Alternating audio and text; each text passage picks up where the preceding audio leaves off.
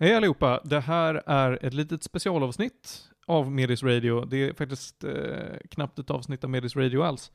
Eh, vi har ju haft ett långt uppehåll nu mellan säsongerna och vi tyckte att det kan eh, vi som inte är ute och reser och gör massa viktiga saker, vi kan ju göra vår egen lilla grej. Eh, så det kommer komma två stycken miniavsnitt av Medis Radio som jag har valt att kalla Samtal på Medis. Eh, Det kommer komma ett nu, eh, när ni hör det här, då är det ju då eh, en måndag, det kommer komma ett nästa måndag och måndagen efter det, ja då kommer det komma ett helt vanligt avsnitt av Medis Radio. Dagens avsnitt gör vi med Saga Jonasson, min kära flickvän. Hello. Hej! Jag bor fortfarande här. ja, du bor fortfarande här. Det är väldigt lätt att dra in mig i saker. Nej, Du sitter ju i pyjamas. Jag sitter i pyjamas. Jag sitter i pyjamas och väldigt gosiga strumpor som jag fått av din mormor. Ja, Det känns som att det här är vad jag behöver i livet. underbart. Vi ska ju prata om vår Disneyresa, det vill säga vårt eh, uppdrag att se alla tecknade Disneyfilmer. Det är väldigt många filmer. Och hur långt vi har kommit på den resan, var vi har stannat av och väldigt, eh, våra tankar om de här filmerna. Eh, men först så kommer här, istället för ett intro, en hälsning från Panos från Nya Zeeland. Hej Medis Radio, Panos här. Jag är på en semester i Nya Zeeland eh, och ville passa på att spela in en hälsning. I förra veckan hälsade jag på eh, dalen där eh, Sarumans torn stod, där man spelade in i Isengard. Och, eh, jag spelar just nu in detta röstmeddelande från eh, Rivendell som spelades in strax utanför Wellington. Och i talande stund står jag under replikan som studion lämnade kvar av ingången till Rivendell, så den stora, stora stenporten som eh, sällskapet lämnar. Eh, imorgon ska jag gå och hälsa på studion som har gjort eh, typ alla kostymer och masker. Och eh, i slutet på veckan så ska jag gå en tour i Hobbiton. Eh, och jag ser väldigt mycket fram emot detta. Eh, vi får se när det här meddelandet når er, men förhoppningsvis i ett avsnitt snart. Glada hälsningar från Nya Zeeland. Mm, tack Panos. Eh, Hörni, varmt välkomna ska ni vara. Det är dags för oss att dyka ner i vår Disneyresa. Saga, vi, eh, vi har sett 34 filmer. Har vi faktiskt sett 34 filmer eller, fast de här är gamla filmer så det har, då har vi typ inte skippat någon. För Nej, vi, vi kom överens om att ifall vi redan har sett filmen båda två och har ganska gott minne av det så säger vi äh, den behöver vi inte se igen. precis. Det är några stycken som vi inte sett för att vi är, alltså, vi har sett dem antingen för nyligen eller bara kan dem som ett rinnande vatten för att vi sett dem så mycket som barn, så det kändes inte lönt. Nej. Eh, filmer vi inte har sett är Alice i Underlandet, för att jag har sett den jättenyligen. Det var längre sedan jag såg den, men jag, jag minns den typ nog. Så vi, vi sa äh. Vi såg inte heller eh, Cinderella. Nej, för den har jag sett väldigt nyligen. Jag har minns sett väldigt den asmånga gånger också. Varje gång, varje år på Kalle Anka. Samma scen då i och för sig. en- Men det, En och en halv scen. ja, ju. Eh, ja, det är... Får jag fundera på om det är någonting mer? Jag tror inte det är någon mer vi skippade. vi lär upptäcka det när vi går igenom dem. Ja, men precis. Ja, vi ska kanske gå igenom hela listan. Det vet jag inte om vi hinner med, för det är så himla mycket. Vi har alltså börjat från början. Det första vi har sett, är ju Snövit. Mm. Det är den första filmen de gjorde. Sen gjorde de en massa shorts innan det, men det, det blir för mycket att Och räkna de med har, dem. ju, de har gjort hur mycket shorts som helst efter det också. De har vi inte heller tittat på. Eller har vi? Eh, vi kommer till vi det. kommer till det. Var, var vi stannat just nu, där vi tyckte att nej, men nu är ett bra tillfälle att göra den här eh, podden. Det är innan deras så kallade renässansperiod. Mhm. Så det vi inte har sett ännu är Lilla Sjöjungfrun. Och då undrar ni, ja, men vad ingår i den här renässansperioden? För det är många av de här filmerna där, om du inte tänker på det, så är det lite oklart när de är ifrån. Mm.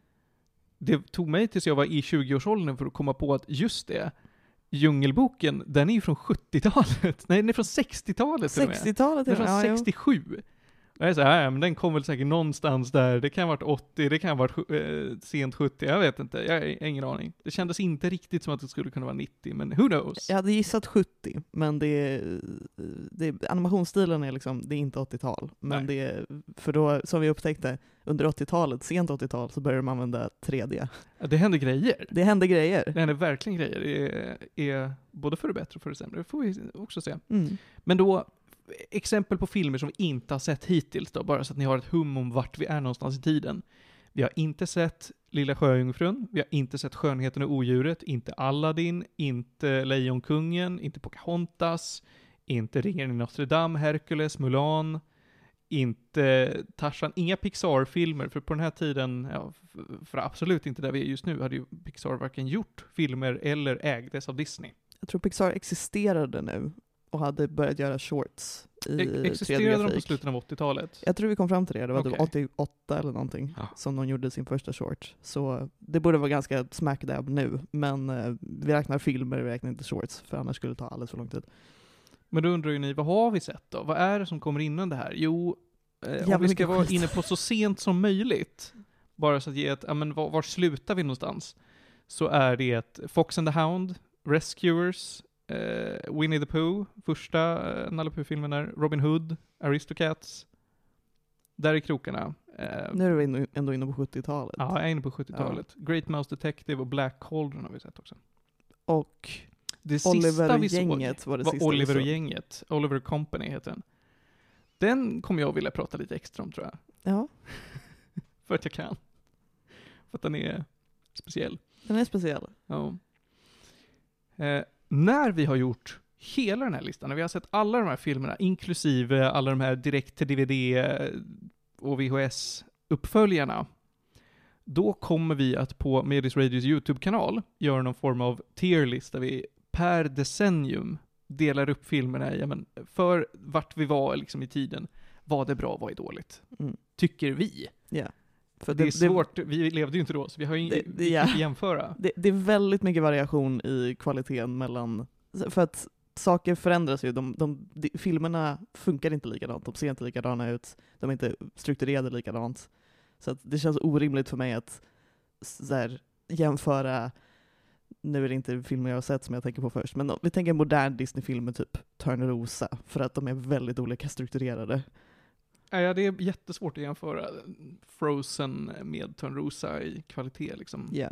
I pengar. Nyare Disney-filmer är bara allmänhet mer snappy. Ja, absolut. Nu har inte vi sett Wish ännu, Nej, men vi, många, vi kommer dit. ja, många får ju en stroke av hur snappy den är. Mm. Har vi hört i alla fall. Har vi hört. Ja, det kan vi inte prata om ännu. Eh, jag vill börja med att prata om de filmerna som det känns som att jag vill typ halvt exkludera i en sån rankning, och filmer som typ inte räknas tycker jag. Vi räknar inte, eh, vad fasen hette den, andra världskriget-filmen? Jo, vi räknar Vi räknar- absolut. vi räknar den. Absolut räknar vi Victory through Air Power. Ja. Eh, det är, vi kan gå in på den direkt. Mhm. Det är inte en underhållande Disney-film med coola animationer. Det är en journalfilm. Det, det, Det är är en en, dokumentär. det är en propagandafilm. Det är en propagandafilm mm, för, baserat på en bok Ja, som kom ut väldigt kort innan. av en rysk man som senare blivit am amerikan, som var väldigt inne på flygplan.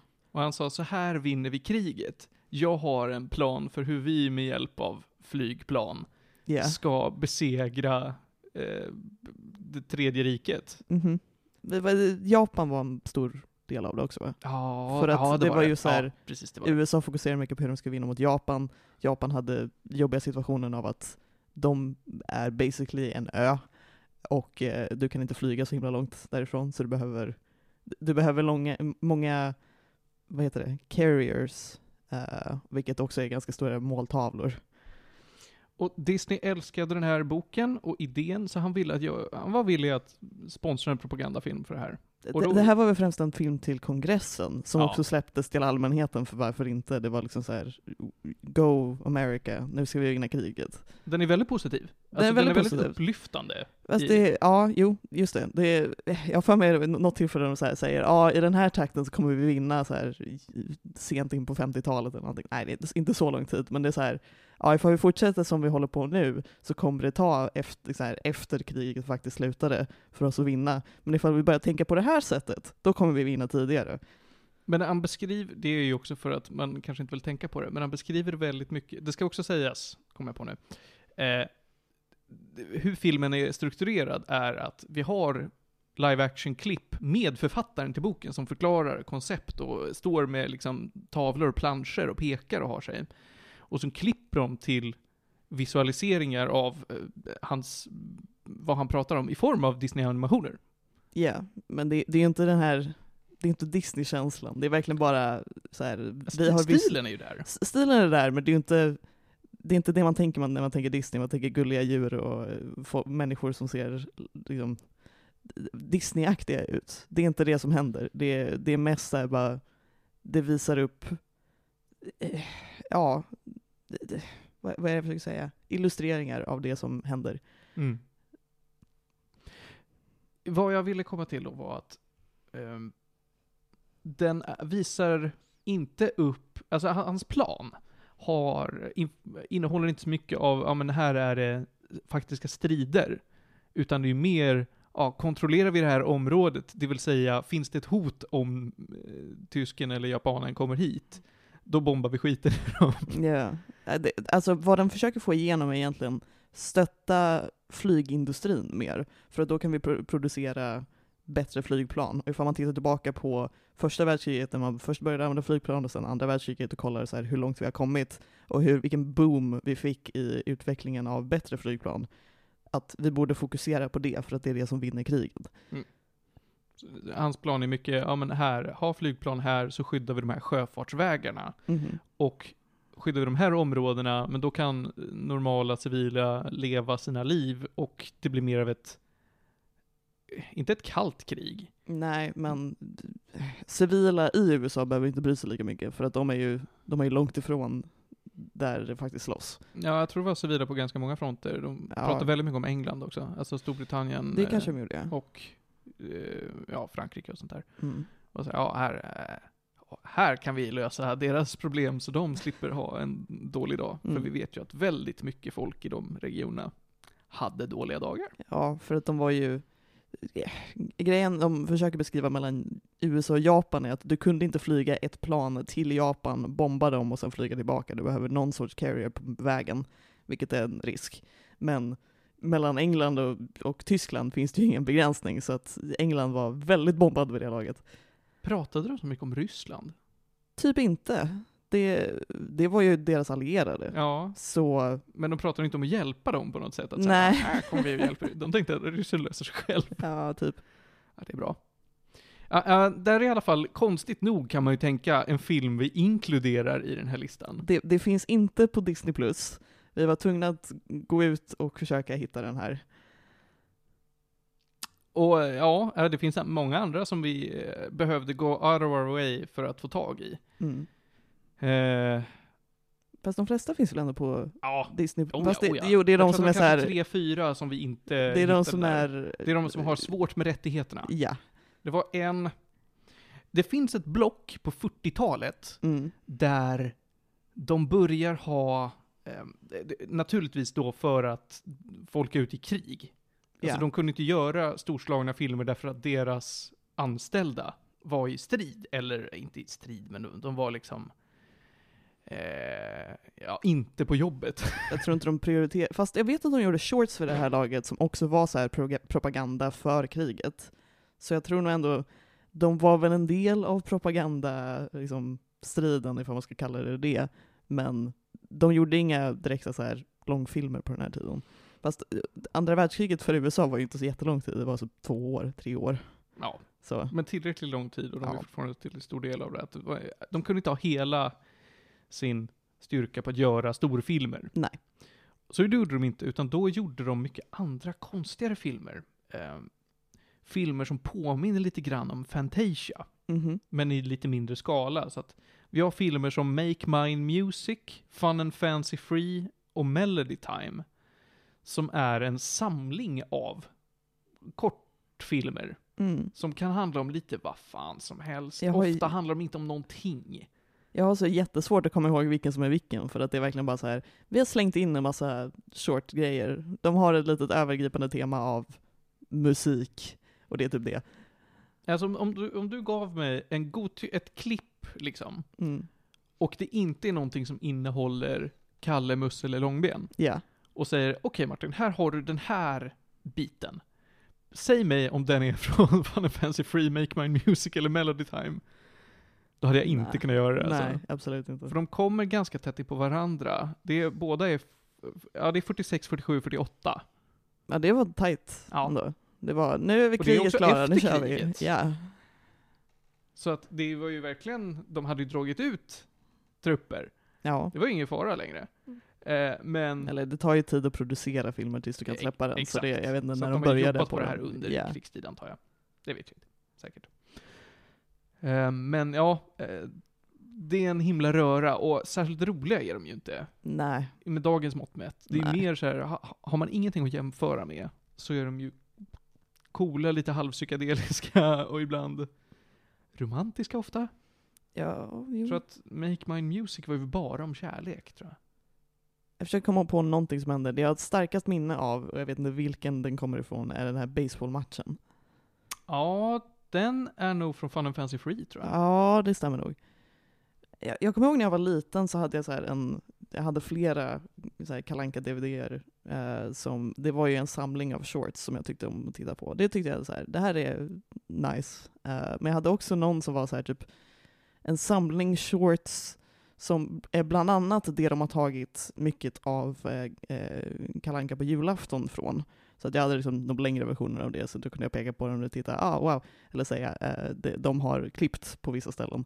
Uh, mest så här, först och främst bara för att korta ner det. Um, sen har de klippt mer efter det. Men eh, uh, de, de, den har samma känsla som bara det egentligen. Det är bara så här, ja här har vi shorts som händer. De händer separat, de kanske har ett övergripande tema och det var det. Men det som jag hade hemma var nog inte så här, det här är en film, det här är mer bara så här, det här är någon samling för dig som gillar Disney shorts. Men det känns exakt likadant. Mm. Eh, ja, verkligen. Och musiken är ju så här, ja men den kanske är fin och det kanske är inte barbershop-sånger men det är mycket sån här manskör på, eh, på en kvintett eller en kvinnokör som också eh, ska sjunga lite ballader eller visor eller vad det kan vara. Och ljudkvaliteten är ju så kass att det är som att lyssna på intro till de här gamla kalanka shortsen Ja. Who's got the sweetest disposition? Det går ju inte att höra vad de säger. Det, jag, har, jag tänkte när jag var liten så här, vad fasen är det de säger? Jag vet inte, jag kan inte engelska. Kan, vet fortfarande inte vad det är de säger, jag förstår dem inte. Om ni utan, det kan vara en kul utmaning till, till lyssnarna om de vill. Utan att googla texten, försök att komma ihåg den i huvudet och skriva vad ni tror att de säger. Om ni bara nynnar den för er. Du, du, du, du, du, du, du, du. Du, du, du, du. Bonuspoäng ifall ni listar ut vad fan Kalle säger, för det Ja, just det. Jag förstår inte hur en enda person förstår vad Kalle Anka försöker säga. Du, du, du, du, du, du, du, du, du. Ja, den är eh, trallvänlig. Ja. Vad tänkte jag på mer? Jo, det var en av de här, eh, jag tror att det är Make Mine Music, som de inte har rättigheterna till för att en av historierna i den, Peter och Just vargen, det, det var är någon den, den, rysk, Ja, eh, rysk historia som fortfarande ägdes av någon. Alltså, ja, det är precis, det, den, så de tappade rättigheten efter ett tag och ville inte förnya den när de skulle distribuera den, så Det därför det ligger den inte på Disney+. Plus. det känns inte värt det. Så, alltså, alltså, vem fan ska titta på det här förutom oss? Ja. Det, det var någonting vi behövde leta upp. Ja, separat. alltså det, precis. Det är också en väldigt bra fråga. Varför gör vi det här? Ja, varför gör vi det här? Därför att det är historiskt kul. Det är ju det. Det, det. Vi har upptäckt väldigt mycket, de har återanvänt väldigt mycket animation. Ja, det är slående mycket. Det, Det- är så här, oj vad, det känns som att ni bara tagit en stencil, lagt på en annan och, Mm. och sagt att nu är det här. Men det, det är de, här, de stora filmerna är ofta så här, ja man känner igen karaktärer och de är ganska unika. Och sen så kollar man på de som inte riktigt var lika stora så tänker man, ja men de här karaktärerna är ju basically samma sak. Vi har Ja. haft så här, typ fem filmer i rad där vi har haft typ basically samma arketyp av en karaktär som spelas av samma person som låter väldigt distinkt. Du tänker på han som gör alla hundar? Ja, Ja. jag tänker på han som gör alla hundar. Jag måste googla vad han heter. för det är helt sjukt att det känns som att han är den som är med i flest eh, av de filmerna. Ja. Det är en man det känns, det, som han, har, väldigt söder eh, röst. han låter som att han är någonstans mellan puberteten och gammal man. Jag, ska, jag klipper in ett klipp på honom, jag tror jag tar det från eh, Aristocats. Kör på. När han spelar, jag tror att han spelar en hund som heter Napoleon. Den- Ja, det- den det gör versionen. It's a motorcycle. Two cylinder, chain drive, one squeaky wheel on the front, it sounds like. Now you go for the tires, and I'll go right for the seat of the problem. Eh, ja, jo men det är, det är han. Det är alltså en man som heter Pat Buttram. Som var en character actor. Han spelade cowboy dude. På hans bilder här så är det väldigt mycket en cowboy dude som ser väldigt glad ut med slips. Slips! ja, beskåda den här mannen. Oh, wow. Ja, det där är ju väldigt så här 50-talsbilder. Nej, det oh är ja, men den är tagen på 70-tal till och med. 70-talet. Wow. Men det ser ut, eh, De hade väl färg, färgkameror för Ja. ja men han har spelat i hur mycket filmer som helst. Alltså verkligen mycket. Han har ju ofta inte jättestora roller, men det, när man, han har så en säregen röst att man märker honom väldigt väl. Men det är alltså mannen som spelar Napoleon i Aristocats, sheriffen av Nottingham i Robin Hood. Just det, sheriffen. Han spelar den här eh, Moonshine-råttan i The Ja, Rescuers. det är en så jätteliten roll, men vi bara så här, det där är ju sheriffen. Han spelar Chief i uh, Lady and the Tramp heter det inte, utan heter Fox and the Hound. Ja, Lady and Trev var alldeles för tidigt. Uh, Fox and Hound, ja. Ja. Eh, han spelar en av kulorna i Who Framed Roger Rabbit. ja, just det. Jag tror vi hörde det. Jag bara så här, Ja. vänta lite nu här. Eh, vi har inte kommit dit ännu, men han spelade, hans sista roll var som en karaktär i A Goofy Movie. Jaha, Men okej. den kom ut efter att han dog. Ja, alltså är det post, posthum... Vad heter det? Posthumous. Posthumously. Release. Ja. Eh, han är också med i bland annat då, eh, han är med i um, Back to the Future 3. Och spelar Saloon Old Timer nummer 3. Vänta, vad, vilken film sa du? Det var Goofy Movie som var sista? Ja, Back to the Future 3 kom ut 1990. När kom Goofy Movie ut? 95. Så han hade dött vid det laget? 95 hade han dött. Ja. 90 hade han inte dött. Ja, du sa 90. Min Ja. hjärna kopplade 99. Nej, nej, 90. Så jag var jätteförvirrad, bara så här, okej, han dog någonstans inom 95 och sen 99 så var han med i Back to the Future. Ja. Han verkar, här, jag tittar på det och det make inte sense, men han har varit med i en tv-adaption av The Misadventures of Ichabod Crane. Vilket då är ja. Sleepy Hollow, Headless Horseman, bla bla bla. Ja, det är ju också en film. Men inte Ichabod Crane and Mr. Toad. Nej, För det är en Disney-film, då är det, verkligen, det är två filmer. det, det, det är en double feature. Ja, det är en double feature som kom ut mycket tidigare. Ja, det var typ 30-talet tror jag. Nej, det är det inte. Den Var det är från inte? 49. Okej, jag har för mig vi tittade på den väldigt tidigt. Det enda de gjorde på 30-talet är Snövit. Ja just det, för det var 39, så de hann inte Nej, göra så 37. mycket. 37 Ja, till och med? som Pinocchio Ah, Okej, kom ut 40. okej. Mm. Fantasia också 40. Sen är det så, ja, alltså det är så tight. På 40-talet är det så fruktansvärt tight med filmer. Jag ska räkna hur många det är. 1, 2, 3, 4, 5, 6, 7, 8, 9, 10, 11, 12, 13, 14 filmer på 10 år. Det är imponerande från att gå att inte göra några filmer alls. Ja, Verkligen. Alltså, fr- från då att Snövit och Pinocchio och Fantasia antar jag var enorma succéer. Mm. Så kickade det igång där alltså. Det hände mycket, mycket spänn- spännande. Sen har vi ju ett, ett eh, perioder där de inte har gjort någonting. Ja. Och det är ju lite här på slutet där vi är. 80-talet har varit ganska glest, 70-talet specifikt. Ja, på 80-talet så har de gjort en, två, tre, fyra, fem filmer. Räknas Nej, det... sex filmer för Lilla Sjöjungfrun. Ja, just det. Räknar det Who Och Framed det Roger Rabbit? räknar Who Framed okej. Roger Rabbit, Ja. som de inte gjorde. Utan bara var liksom, lite. de var verkligen med på ett hörn. Ja.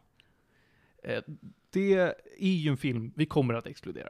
ja. Vi kommer inte räkna in Who Framed Roger Rabbit i Det är, den en, här det är en bra Hur- film, men vi borde inte räkna det som en Den Disney-film. var asbra. Alltså jag, jag har sett den förut. Mm. Nej, det, nu- var, det var helt nytt för mig. Jag hade ju så här, jag har fått basically spoilat, alla pratar om den här filmen, det är så här, del av eh, pop culture. Men jag hade inte faktiskt sett den. Jag, som ni alla som lyssnar på det här vet, jag ser ju väldigt ogärna om filmer. Ja. Väldigt, väldigt ogärna. Men till, för, för att göra det här projektet har jag ju verkligen sett om några stycken bara för att det är värt det. Och ofta tycker jag att det har varit värt att se om dem. Mm. Alltså framförallt sådana här filmer som jag sett som väldigt litet barn. Ja, de flesta av de som här, vuxen. Alltså det har kanske varit 20 år de, ja, de flesta av de här som vi har sett har ju varit så här jag minns ingenting av det här. Så vi bara, vi kör och tittar på den ändå. Jag har ju sett en rosa, men jag minns den inte. Nu minns jag den, för jag har sett den, men inte vid det laget. Enda gången jag sett en film på bio två gånger var, ja det här kommer inte mina ex-flickvänner lyssna på, men jag glömde att jag hade lovat ett ex att se, ja då var hon ju min flickvän, att se, eh, vilken blir det nu då? Infinity War. Alltså, Avengers. Jag såg också Infinite War två gånger. Så jag gick och såg den med några kompisar.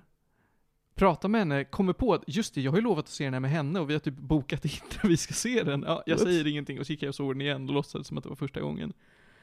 Jag led ju av att se den två gånger. Jag, Jag jag såg den två någonting. gånger. Jag såg den två gånger för att jag ville. Så Ja, jämförelsevis. Jag var också 18, så det kanske var en skillnad. Och vad var det? F- Felix har gått och sett någon Bond-film fyra gånger på bio eller någonting. Jag, jag kan inte komma på att det är någon annan film som jag har sett fler gånger, för att när jag faktiskt var gammal nog att inse att jag är fri att göra vad jag vill och behöver inte ha en ursäkt att gå på bio, så var det få filmer jag ville se. Förutom Infinity War, den ville jag gärna se. Och jag var väldigt taggad på Endgame.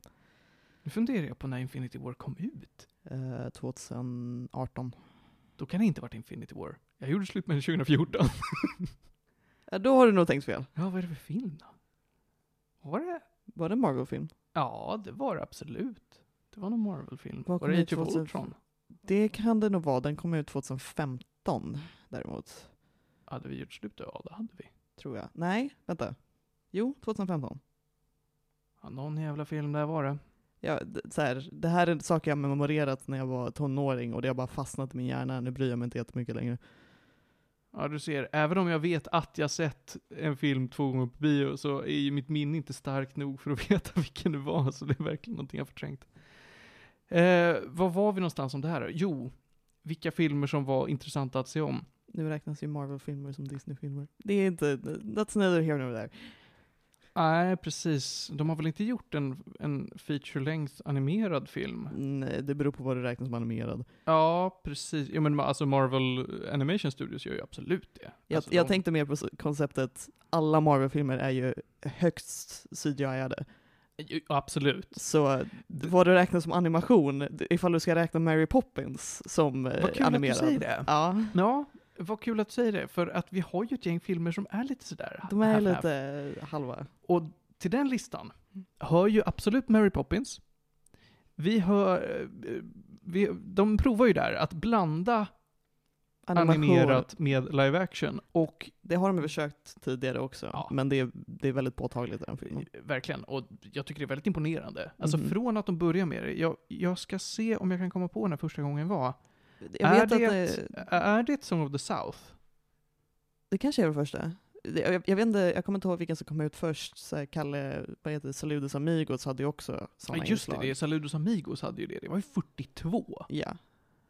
Den är nog först i så fall. Mhm. Hade Reluctant Dragon det? Nej, det hade den inte va? Reluctant Dragon är väl bara animerad? Ja, jag tror det. Jag tror också det. Det, Ja. det är Pete's Dragon som inte är det. Nej, Den är en precis. blandning. Peach Dragon är ju, precis som vi säger nu, det är Ja. en film, det, det är fan, det är en live action-film med en animerad karaktär. Ja, alltså vad är det? Om vi ska räkna det som en animerad film, vad är det om inte G-Oldie CGI egentligen? Ja, men jag, jag håller med. Så att ska man räkna Pete's Dragon så måste man också räkna Endgame liksom. Ja, Och det vill vilket- vi ju inte. Nej, det vill vi inte göra. Nog för att jag har sett majoriteten av de filmerna redan, så vi behöver inte göra det. Men, så att jag vill ju exkludera Pete's Dragon. ja. De är roliga att prata om, så då gör vi väl det nu, Vi tar, vi tar och pratar om dem. Det, vi kör på. Men den kommer inte komma upp på vår tier-list senare. Nej.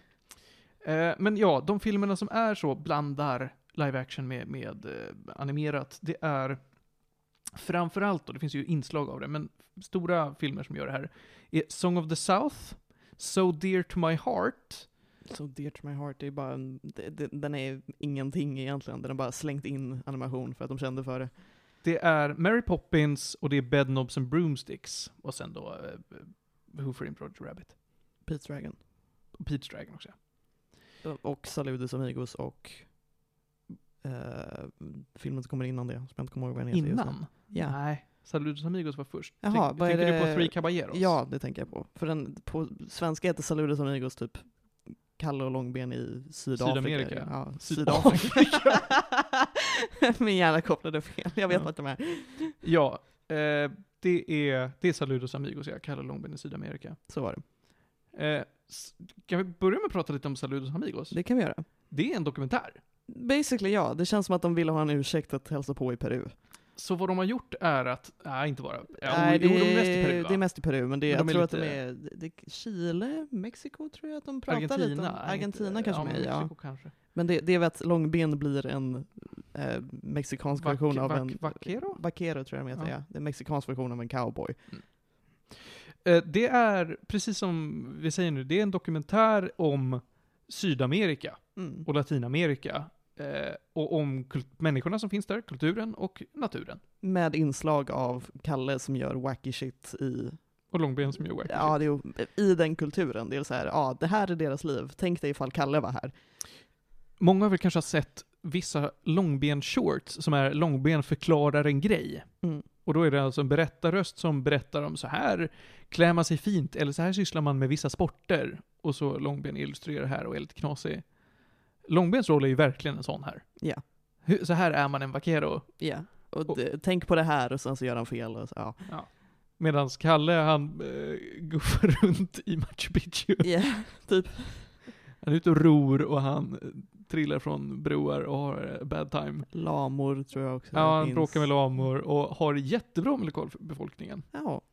Eh, Det ska vi komma till också vid någon punkt. Vilka filmer som har vad jag brukar kalla för rassestämpel. Det, det är inte sant. Utan det betyder...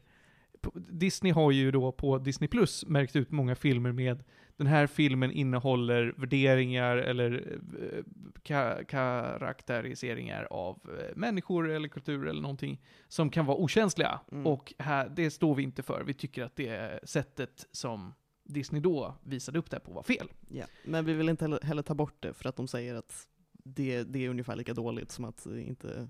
Att låtsas att det inte hände är lika Ja. dåligt som att eh, inte påpeka det utan bara låta det vara. Så Ja. därför säger vi, vi att det var fel. Ja.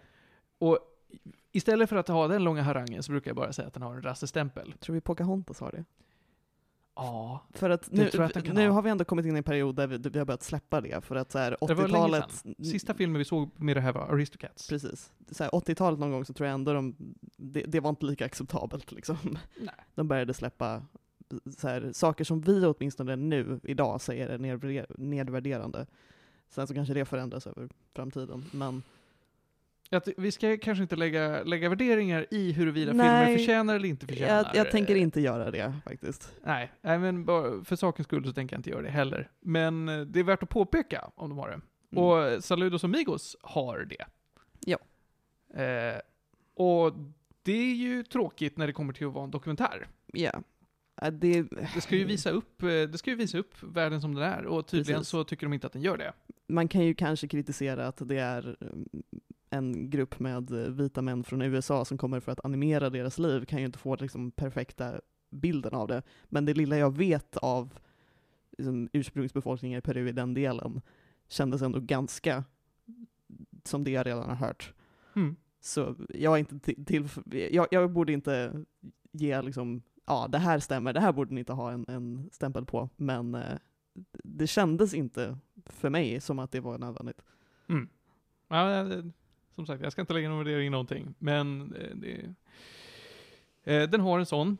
Eh, de har ju, de har ju det, den är jättemysig för att det finns mycket bilder på när de är där Ja, och det, det, turistar. det, det känns verkligen som att så här, okej nu tar vi och tar en, en turistresa Ja, till... jobbresa. Ja, Det är, ja, den är nice på det sättet. Ehm, vad har vi mer då? vi har Three Caballeros som är kaos. Three Caballeros med kaos. Du känns som att varje gång vi pratar om Three Caballeros så tycker du mindre om den. det är möjligt, men det är, det är en film som är samma sätt som eh, Saludos Amigos så är det ju också så här shorts som inte riktigt hänger ihop, fast det finns typ ett överhängande schema för att Eh, det finns, vi blir introducerade till två till karaktärer.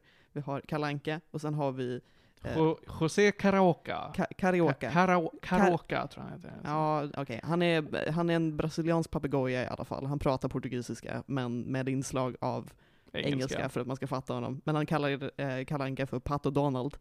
Eh, och sen så kommer jag inte ihåg, det finns en mexikansk tupp också, men jag Mm. kommer inte ihåg vad han heter. Nej, kommer inte jag ihåg just nu. Nej. Han, eh, jag har sett för lite av honom. Det, ja. Ja, jag, jag vet jag- att jag har sett dem tidigare. Men, Jag läst mycket serietidningar med honom och jag vet att det finns shorts och det finns en hel serie med dem. Mm, Eh, som är gjord nu på 20, alltså mm, 2000-talet. 2000-talet. Jag tror Ja. att den är gjord typ 2019 eller något sånt där. Så sent? Alltså Ja. jätte, Wow. den är jätteny Mm. relativt sett. Ja. Men det, ja, det är en film där de gör olika grejer Ja. i Brasilien. Ja, det finns en sång som vi har, har den har lite fastnat, den är inte jättebra, men han, eh, eh, José sjunger om att har, har du varit i Bahia? Och Kalle säger nej, well let's go. Så här, sjunger om hur fantastiskt Bahia är. Och det är någon ort i Brasilien Ja. som idag ska jag ha hört att den ska vara så här, ja, jättefarlig, åk inte hit. Men på den tiden så var det väl väldigt fint antar Ja, men det ja, på den tiden så var det ju det. Antingen så var man, jag ska inte säga fattig i Brasilien, men det, var liksom inte lika stort och avancerat. Nej. Så att det som vi i västvärlden sätter Brasilien, det är ju det turistiga. Ja. Och då ser ju det ganska bra ut. Det är ju så här, ja men vi vill visa upp vårt finaste och bästa och visa att vi eh, har stil och klass liksom. Även om det kanske inte reflekterar hela landet. Ifall man skulle basera en uppfattning av Brasilien bara på de här filmerna på den tiden så skulle man ju tycka att det här verkar som ett fantastiskt fint land, vi åker dit. Sen vet jag, vet jag inte hur det faktiskt var på den tiden. Eh, jag tror den filmen har också rassestämpel. Det kanske den har, Jag jag, tror jag, den har minns det. inte varför. Jag minns inte det. Jag kan tänka att rassestämpeln här kanske inte är en rassestämpel, utan Kalle är ju ganska obehaglig med mycket kvinnor i den filmen. fast det, ja i och för sig. Jag vet inte ifall de säger, den, visar, den säger bara den visar upp stereotyper som vi tycker är acceptabelt. Den säger ingenting om att det här är för kulturer. Nej. Så det skulle kunna vara, vi har en obehaglig kvinnosyn. För att det finns segment i den här filmen där han håller på och jagar efter kvinnor. Är det den här filmen eller är det förra filmen? Det måste vara den här filmen. Ja, ja, den här där, filmen är det. Där han, Men där, där de, det finns en kvinna som sjunger, alla sjunger om att hon har fantastiska kakor. ja, det är den här filmen. ja. Hon, ja men det, det är en kvinna, det är en live action kvinna. Ja. Som sjunger om hur goda kakor hon har och alla live action män och alla animerade män och Kalanka trånar efter henne och Ja. hennes kakor. De sjunger verkligen bara om hennes kakor. Hon, hon bakar kakor, hon bär runt på kakor. Ja. Men det låter väldigt konstigt Och när jag säger José det. bara vibar liksom. José var där för vibes. Ja, men han, han är, hela filmen är han bara med för att ta med Kalle på äventyr och stå och dansa Ja. och ha sig. Och det är rätt mysigt. Men han introduceras väl ändå i uh, Saludos Amigos har jag för mig. Eh, de inte har ett- vid namn. Är det inte? Jo, inte ett jo, inslag där det jo, bara så här, det. här är vi Brasilien och sen så behöver vi en, en karaktär Jo. som representerar Jo, men det är Brasilien. sant. För att i, i, eh, i, eh, vad heter det nu då? Nu tappar jag helt namnet. Ja, jag är inte säker på vad du pratar om, inte I Tre. Caballeros. Ja. I Tre Caballeros så eh, möts de på nytt. Mm. Så är ja, precis. För att Kalle får typ en present hem. Han lever också typ så här liminal space. De Ja, orkar inte ens verkligen. animera en han, bakgrund. han får en live action-bok som han typ åker in i och de bläddrar i det och åker på äventyr i Sydamerika. Det är, Ja. det är kul. och sen halvvägs in så kommer den här mexikanska tuppen. Han bara är. Han bara är. De, de mest fuckar med Kalle. Ja, men det är, ja, det är en film, och många av de här filmerna då, anledningen till varför jag inte tycker om dem särskilt mycket, Mm. är för att de berättar väldigt lite. Det är mest, sätt en setting och fucka runt i den settingen och bara, nu har ni absorberat hur det är att vara här. Och jag Ja. tänker, va? Men det, Är det så här det är vara i Sydamerika? Det är bara folk som dansar. Men jag kan, uppska jag kan uppskatta Saludos Amigos mer för att de har ändå någonting de försöker säga. Men att jag Oh, känner ja. att Tre Caballeros har ingenting att säga egentligen. Det är mest så här, det starkaste de har att säga är vi borde sticka till Bahia. Ja, eh, alltså jag vet inte hur många gånger vi har lyssnat på den låten bara för att det är lite kul. Men den är inte så bra. Musiken i, i Tre Caballeros är verkligen, den är inte så bra. Nej. Den berättar ingenting och animationen är så enkla att det är så här, äh, det ger inte så mycket att se den heller. Nej. Forgive me, but have you been to Bahia, Donald? No. No? Well, let's go. If you go to Bahia, my friend, you'll never return. E muita sorte teve, muita sorte tem, e muita sorte terá. Efter att ha- det, alltså så här. de är så korta. Det ska sägas, om ni inte kommer ihåg det, så Disney-filmer, animerade filmer i regel, Mm. är mycket kortare än vad man tror. Vi är vana vid Ja. så här två timmar plus filmer idag på Det- bio. ja, Filmer det- på den här det- tiden är typ 1.20. Det, det är så här, ifall de är 1,20 så är de långa. Det är Ja. så här, över en timma vanligtvis. Det är då det räknas som en, en, en lång film liksom. Men Och många av de här Make Mine Music och, och Saludos Amigos, de tror jag är så här, ja men strax över en timme. precis, att den längsta animerade filmen som någonsin gjorts kom ju ut förra året. Det var Spider-Verse. Andra Ja, precis. Spider-Verse. Across the Spider-Verse. Precis. Och den var väl så här två timmar och någonting. Mm. Så, så här, det, För det- animera kostar pengar. animera kostar pengar. De vill inte behöva animera det de inte måste. Så att när man tittar på de här och lägger en timme och 20 minuter och så får man inte ut någonting, då blir man ju ändå lite sur. Mm. Men nu när man tänker tillbaka på det, efter att det har gått några månader sedan vi såg Tre Caballeros, Ja. så kan jag ändå tänka tillbaka och bara, ja men det var lite mysigt. Mhm. Det fanns en vibb där som var lite härlig. Men att sitta och titta på det var ju skittråkigt. Ja, nej, det, det, det händer verkligen ingenting av värde. Och så är det med ganska många filmer. Ska vi prata lite om Song of the South? Det kan vi göra. Den, Det är den, en film som har kanon mycket rassestämpel. Ja, den, det är så mycket så att den finns inte ens på Disney+. Nej. Det, det, jag tror att de bara så här, vi tar inte hantera det här för att den, den är väldigt kritiserad. Och den handlar om, den handlar om en liten gosse Mhm. som bor på ett, tidigare ett plantage tror jag att det är. Ja, det är väl Eh. fortfarande plantage, men... Ja det kan det eh, vara. Det, men, det, men det är efter, efter, att slavar inte var okej längre. det, det är efter inbördeskriget. Eh, och han bor med, han, han åker dit med sin pappa och, är det mamma också? Ja, Ja, det är men mam- det är han åker dit med mamman och sen pappan behöver sticka därifrån för att Just jobba det. för en tidning eller någonting. Och ja, han och sin farmor eller någonting som är där. Ja, någonting Och sånt. i alla fall, på det här plantaget så, det, det finns fortfarande folk som arbetar där, men det finns inga slavar. Och många Nej. av de som arbetar där är svarta. Jag tror att alla de som arbetar där är svarta. Nej, inte, ja, men alla som bor och arbetar kring är inte svarta. Eh, finns vita ah, människor med. Ja, jo. Men det är så här, majoriteten av de vi ser som är arbetare Ja. är svarta människor. Så det är Absolut. så här, ni har uppenbarligen varit slavar vid något tillfälle. Ja. Och en av dessa är en, en man som heter Uncle Remus. Mhm. Och Uncle Remus är en karaktär, en symbol, liksom en samling av sagoberättartyper Mhm. som berättar Ja, men sagor, ur, som är svarta sagor så att säga. Ja, det är väl typ en fabel kan man nästan beskriva dem som. Mm. För att det är så här, ja, de här karaktärerna finns, det här händer. Det, det här jag fick jag lära mig när vi tittade på den också. Mycket av, ifall man har läst Kalanka, speciellt på typ Kalankas på typ 70-talets tidningar, för att min mamma och pappa hade kvar dem, så jag läste dem väldigt mycket när jag var barn. Uh, Lilla Vargen är ju en, en serietidning, som, eller en seriestripp som dyker upp. Stripp? Jag vet inte, de är ju flera sidor. Uh, och de har, den har karaktärer som kommer ifrån Song of the South. Så är det. Så eh, det tyckte jag var jättekul. Mm. För jag har till exempel då, när jag har varit på Disney World, Ja. så har jag alltid funderat på, nej men, Lilla Vargen och, och liksom Bror Kanin, Bror Räv, Bror Björn och jag kommer inte riktigt ihåg vad den heter, inte Thunder Mountain, men typ. Eh, Det är någon alltså, jättestor attraktion som jag Ja, tror att de inte har kvar idag. Space Mountain Nej, eller det- fel. nej, Nej, nej. jag, jag vet inte, jag har aldrig varit där. Men jag har funderat på, men vart kommer det här ifrån? Jag har inte sett de här filmen. Jag vet att det finns eh, serietidningar med det. Mm. Och allt är från Song of the South. Ja, det är en sammanslagning av, jag tror att Disney vid någon till- tillfälle gjorde shorts, jag tror att det är de tidigare shorten de har gjort av eh, Tre små grisar. Mm. Så det är ju baseringen. Men många av andra karaktärerna är från Song of the South. Mm. Och Song of the South i sig tror jag togs för så här, Uncle Remus var en serie sagoberättelser som någon man, vet inte vem som skrev den, tog från eh, slavar på den tiden. Eh, det var berättelser de hade liksom berättat över tid. Eh, om man vill ha en hel tangent så tyckte jag det var intressant för att jag har eh, hört talas om en historia som kommer från Afrika från första början som heter Anansi, eh, som handlar om en, en spindel, eh, demon eller gud antar jag, eh, där han vid ett tillfälle eh, gör en figur som är väldigt kladdig för att lura någon annan.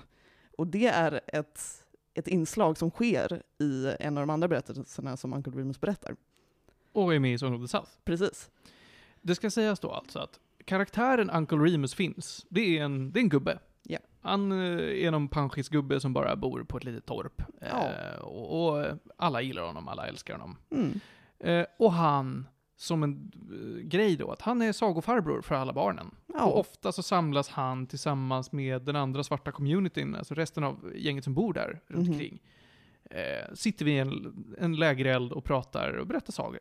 Och huvudkaraktären som jag inte kommer ihåg vad han heter Han alls. heter väl Michael. Alla, alla känns som att de heter Michael. Han, han, hans pappa lämnar honom basically på plantagen och sen säger han jag måste tillbaka till någon stad för att jag jobbar med tidning. Eh, och han tycker inte om det här alls, han tänker springa dit. Eh, så att Uncle Remus är den som liksom håller honom, honom tillbaka och är lite så här farsfigur medan han saknas och berättar historier för honom. Han berättar fabler som han ska lära sig av. Mm. Om så här, ja nu ska jag berätta om Bror Kanin och hur smart han är och vad han lär sig. Mm. Och så finns det två andra små eh, bondbarn som är elaka och de Ja. gestaltas som Bror Räv och Bror Kanin. Det, är han, det är väl att han vill ha en hund vid något tillfälle också. Han får en hund och sen får han inte behålla den. Och det, ja, det är mycket grejer. Ja, det är mycket, mycket tokigheter. Ja. Ehm, men den här filmen, den är ju... Disney vill inte röra vid den för att det är så här, äh, oklart om vi visar upp eh, svarta personer från den här tiden på rätt sätt. Ja, det är lite slavar. Ja, vi, vi, vi, det är jobbigt. Ja. Men jag tycker att det största fe- felet med den här filmen är att den är så fruktansvärt tråkig. Det händer inte mycket i den alltså. Åh, alltså alla live action-segment är skit. För skådespelarna är jättedåliga. Mm. Historien i sig är skrattretande för att ingen karaktär kommunicerar med någon annan. Nej. Konflikterna är så här, åh herregud, hade du sagt en mening hade det här inte varit ett problem. Om jag minns rätt så fick han som spelade Uncle Remus en Oscar Ja, för den här filmen. han fick en Oscar, vilket var Och då det- otroligt ovanligt för svarta människor. Ja, på den här tiden. Det var typ tiden. det och... Det är på eh, 40-talet fortfarande, ska sägas. Jag tror det. Eh, Det är det och, vad fasen heter den? Gone with the Wind. Fick, var också en karaktär, eller en, en kvinna då, som fick eh, en Oscar för eh, hennes roll. Men, Mer än så håller jag inte koll på. ja, men förutom då att han fick en Oscar, Mm. så när de visade den här filmen, alltså vi hade en premiärvisning, och Mm. antagligen vid flera andra tillfällen, så fick han inte sitta med Nej. resten av det, produktionen. det, det att här var var ju, precis, det här var ju under segregationen. Ja. Det, Ja. att han fick priser, han fick belönas, men han fick inte inkluderas med liksom andra människor. nej. Det är, är Mm. hemskt att tänka tillbaka på alltså. Ja, Men det är som, som Disney säger, vi får komma ihåg att det här hände ja, och var en grej väldigt länge. fast just Song of the South har de inte brytt sig om att stoppa på Disney Plus, för jag antar att det skulle Nej. vara mer problem än det är värt. Jag vet, jag vet, jag kan inte förklara för dem Nej. varför de tycker att det är mer problem än vad det är värt, men de, de tycker nej. inte det. Och det är ju inte en film som man behöver se, för den är jättetråkig. Men jag tyckte det var jättekul att se den för att få en bakgrund till Bror Räv, Bror Kanin och Bror Björn. Mm. Och det är typ så. Och den blandar väldigt snyggt Mm. eh, live action med, med eh, animerat. Japp. Uncle Remus kliver verkligen in i en tecknad värld och det ser ganska bra ut. Det ser rätt bra ut ändå. Det, Mm. Och det är också faktiskt animerat, där man har bakgrunder, inte bara Kalle bor i en liminal space. Fantastiskt. Så när vi den film, det kommer jag, det kan jag spoila redan nu. Den film som jag tycker är allra, allra, allra sämst Mm. av de vi har sett Ja. är ju nästa sån blanda animation med live action. Det är knappt animation i den. So dear to my heart. Ja. Den heter Det svarta lammet? Fåret? Fåret. Fåret på svenska. Ehm, Åh, den är så dålig. det, det, den handlar om en pojke som bor hos sin, antingen farmor eller mormor, vet inte. Eh, det är engelska, så de gör inte den diskussionen. Ehm, och ett av han, hans får, de bor på en, en så jätteliten eh, Gård. gård. Det är en, en jätteliten by. Ehm, ett, ett av fåren får ett, ett svart lamm och han bestämmer sig för att uppfostra det här lammet lite mer som han skulle typ uppfostra en hund snarare än ett lamm. Och den är bråkig, Mm. och lammet ställer till massa Den problem. ställer till jättemycket problem. och alla är arga på honom, och han Ja. säger nej, var inte arg på mitt lamm. Han hade inte gjort något fel, han visste bara inte vad han skulle göra. Ja, det är det alltså. Det är typ det. Det är han, han, vill, han vill ställa ut det på en... Jag vill ställa lite på en utställning i Ja. en närliggande by. Precis. Och eh, spoiler, som jag tror inte någon faktiskt kommer att titta på den här filmen. Eh, han får ett pris, men han får inte pris för att det är det bästa fåret, utan de säger, stoppar över och säger ”All right there son”. Det, det är i i the South, så det är där, eh, väldigt... Mycket män i cowboyhatt. Mycket män i cowboyhatt. Det, jag antar att det här är så sent 1800-tal som nu ska utspela sig. Tänk, jag, tror, jag är rätt säker på, Disney älskar den här filmen, alltså Walt Disney. Mm. Så att jag tror att den är mest för att så här, ja, den är väldigt inspirerad av hans egen barndom, så man bara så här, ja men det här, det här är ju nostalgi. Uh, vilket fall, de säger bara så här, ja, vi kan inte ge dig pris för att det är det bästa fåret, men vi vill ge dig ett extra pris för att du har visat hur viktigt det är att så här, extra skötsel och att älska ditt djur gör för djuret. Jag bara såhär, Yippee! yay, okej, yay. wow. Är den är skittråkig. Eh, skådespelarna, för att det då framförallt är barn. Det är Så väl vi- samma person som Ja. spelar huvudkaraktären i den här och Song of the South. Det är det. Ja. Och det är också samma barn som spelar i någon short i typ Melody Time. Just det. Var inte det, var, var inte det Saludos Amigos? Var det. Det, var, det är någon där de sitter Ja. typ runt en lägereld. Nej, det är inte Saludos Amigos, för det var så långt tidigare. Ja, okej. Ja, det är för sant. det är då, alltså här är då, Song of the South kom ut 46, så Dear to My Heart kom ut 48. Mm. Så att någonstans där 47-48 i Fun and Fancy Free eller Melody Time, så är han med. Mm. Och det är kul att säga, ja, det är samma barn, ni har bara tagit samma barn för att ni har honom på payroll. Ja, Eh, visst var det samma person som också gör rösten till Peter Pan? Jag tror vi kom fram till det ja. Ja. Och sen dog han typ när han var 30. Ja, han dog jätteung. Ja. Tråkigt. Ja. Men där har ni eh, lite trivia, hur mycket de återanvänder skådisar. Ja, det, ja, det är mycket återanvändning av skådisar. Och mycket så här lidande animatör. Mannen som heter Don Griffith är fan med i varenda film i typ 30 år. Det är så imponerande. Ja. Ehm, ja. Nej men det, där har vi alltså en film jag tycker att ingen behöver eller Nej, bör se. Det, det ger ingenting, Den händer, det händer ingenting. Den inspirerar Song of ingenting. the South är mer intressant och det är inte en film jag tycker om, men det är bara för att det händer mer grejer. Nej, jag vet inte fan. Alltså shortsen tycker jag är bra och den historiska kontexten tycker Mm. jag är bra. Allt annat tycker jag är skit Ja, i. Song of the South. Det- Så här, det, det, libban, libban, ribban är låg. Eh, jag tycker inte om någon av de filmerna, men jag måste välja en bara för så här underhållande att se på, ifall vi ignorerar alla andra problemen, så Mm. är det Song of the South. Mm. Men det är inte, det är inte mycket alltså. Nej, nej verkligen inte. Ska vi hoppa fram lite grann? Mhm. Vi hoppar fram till en period där vi börjar se Disney-filmer som är mer av en historia. Ja. Mycket av det vi har sett tidigare, med kanske reservation för Pinocchio och Snövit är Snövit. ganska mycket av historia. Det är mycket, eller ja, det är mycket skit som händer emellan, men den har i alla fall en plott. Absolut. Eh, jag vill argumentera för att Dumbo har väldigt svag plott. Ja, det händer inte mycket där. Men det är egentligen det. Alltså när man tänker på så Disney-filmer, feature-filmer, eh, då har vi ju Snövit, Pinocchio och sen har vi ett jävla hopp. Eh, nej, det har vi inte. Vi har Dumbo och Bambi också. Bambi är också väldigt svag plott. det händer Eh, inte mycket i Sen Bambi. hoppar vi lite grann, Ja. tills vi kommer till eh, Askungen, Mhm. 1950. Mm. Och filmer efter det är lite mer, ja men de har en plott, det finns tydligare ramar, det är väldigt sällan vi svävar ut och gör någonting, eh, Mm. Ja, bara visuellt eller, så jag Ja. brukar beskriva det som knarkscener.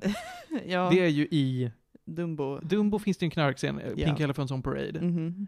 Och sen i Nalle Puh finns det ju tw- tweez- Tweezels, sån där. Weasels. inte. Ja, jag har ingen aning. Men ja, eh, Askungen, Alice i Underlandet, Peter Pan, Lady och Lufsen och så vidare. Och så vidare. Peter Pan var ändå mindre story än vad jag förväntade mig. Men Ja. det, det är i alla fall, det händer saker. Ja, ja, verkligen. Mm. Och sen kan man ju argumentera för hur mycket story det finns i Alice in Wonderland. Ja, mm, ja. Med, med. Meh. Men det är ändå kul att där börjar det få lite form. Mhm. Vad som inte är kul är hur dåliga många av de här filmerna är. Ja. Hur svaga de här historierna är och hur svaga karaktärer som finns. Har du ett exempel du tänker på nu? Jag tänker på väldigt många grejer. Jag tänker framförallt på Djungelboken. Djungelboken. Väldigt mycket återanvänd animation upptäckte tyckte vi.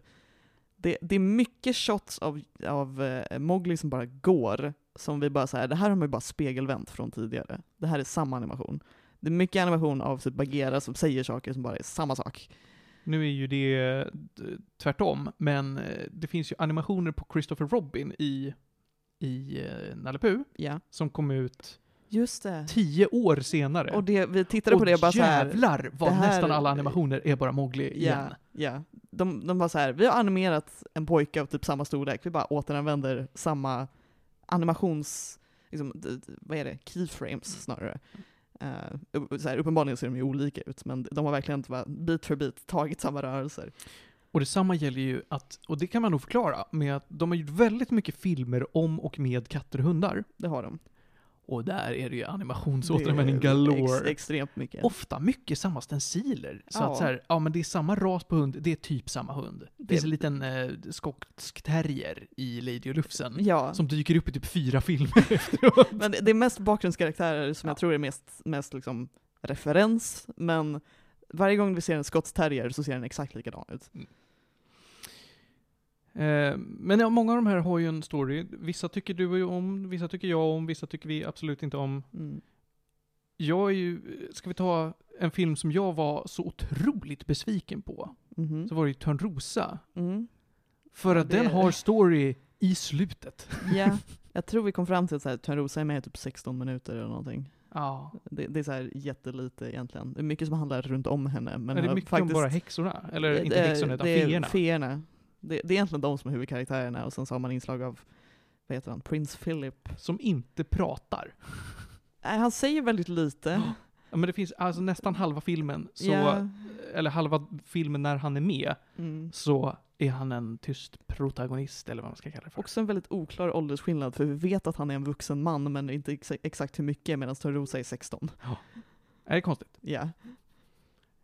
Ehm, vad har vi mer då? Lady Lufsen hade mindre story än vad jag väntade mig, men den är heller inte så speciell. Jag tycker ändå om Lady Lufsen. Jag tycker Det- den har bra, den har väldigt bra skådespeleri, eller röstskådespeleri. Ja, men jag tycker också, den handlar ju om hundar som har lite, så här, hela grejen är ju Lady har det ganska bra och sen så visar det sig att hennes ägare ska ha ett barn och så vänds allting upp och ner. Um, alltså, den är ju ganska liten i stakes, men den gör det bästa av det. Så jag tycker ändå att den är en helt okej film. Jag skulle kunna tänka mig att se den igen, men jag, inte, alltså, jag ska inte, jag, inte jag tänker inte aktivt sätta mig ner och titta på Lady Lufsen igen. Men ifall någon skulle bara säga ja men vi tittar på Lady Lufsen skulle jag inte säga emot. Ehm, kul att höra. Jag kände väl ungefär så med Peter Pan. Jag Mm. var, jag var, efter att ha sett så pass mycket filmer som jag var så missnöjd med, så blev jag glatt överraskad av Peter Pan. Jag var besviken av Peter Pan faktiskt, för jag mindes den som bättre.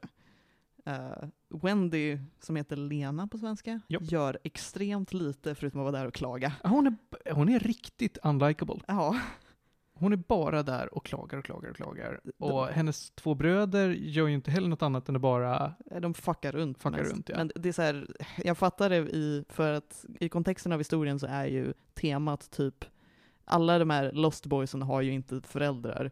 Och Lena blir ju någon sorts så här Mamma. pseudomamma, vilket jag känner är så här okej, men är också väldigt konstigt för att hon är hon är den, antagligen den äldsta av barnen ifall man inte räknar på hur fan gammal Peter Pan är. Men det känns fortfarande väldigt konstigt bara så här, du är mamma nu. Ja, jag förstår det. Eh, Jag var ändå imponerad över hur rolig jag tyckte att den var. Och ja, det var några gånger då jag verkligen satt och småfnissade lite åt den. Och, eh, jag tyckte att den kändes kompakt på något sätt. Storaste stämpel på den. Ja, den hade ju storaste stämpel för att de har med indianer. Ja, Och det är det. det är det. De har en, det är en indianlåten, eh, Vad gjorde den röde mannen röd? Tycker jag är jättebra. ja. Den är jättecatchy. Jag, jag satt verkligen så här. Du, du, du, du, du. Ja, men den är bra. Mm. Eh, annars så är det ju mest fantasi, eh, Fantasivärld, karaktärer och, och så här, London. så det är Ja, med, men, nej. Folk, alltså jag förstår verkligen inte hur Tingeling kan ha blivit en så stor karaktär. Tingeling, just det, jag glömde bort För det hon är ju med och är bara, alltså hon är ju bidragande antagonist. Hon är skitjobbig. Hon är, hela hennes grej är att hon är avundsjuk. Ja. Det är allt. Och sen så gjorde de det till en filmserie på 2000-talet. Ja, men hon har ju blivit en maskot för Disney på många sätt. Ja, precis. Och sen en filmserie. Jag vet inte ifall det, att hon är, hon är magisk som är så här, det här är Disney-magin. Jag tror att det är typ det. Säkert. Jag tror också att de pratade om andra maskotar de tänkte ha, men det... Ta en av feerna från Törnrosa flora Ja, bara. Nej, men Tingeling blev ju någon sorts, så här, de marknadsförde det ganska hårt till unga barn i typ min ålder under Mm. 2000-talet. Eh, jag fastnade aldrig i det. Men jag fattar, om man bara baserar det på Peter Pan fattar jag inte varför.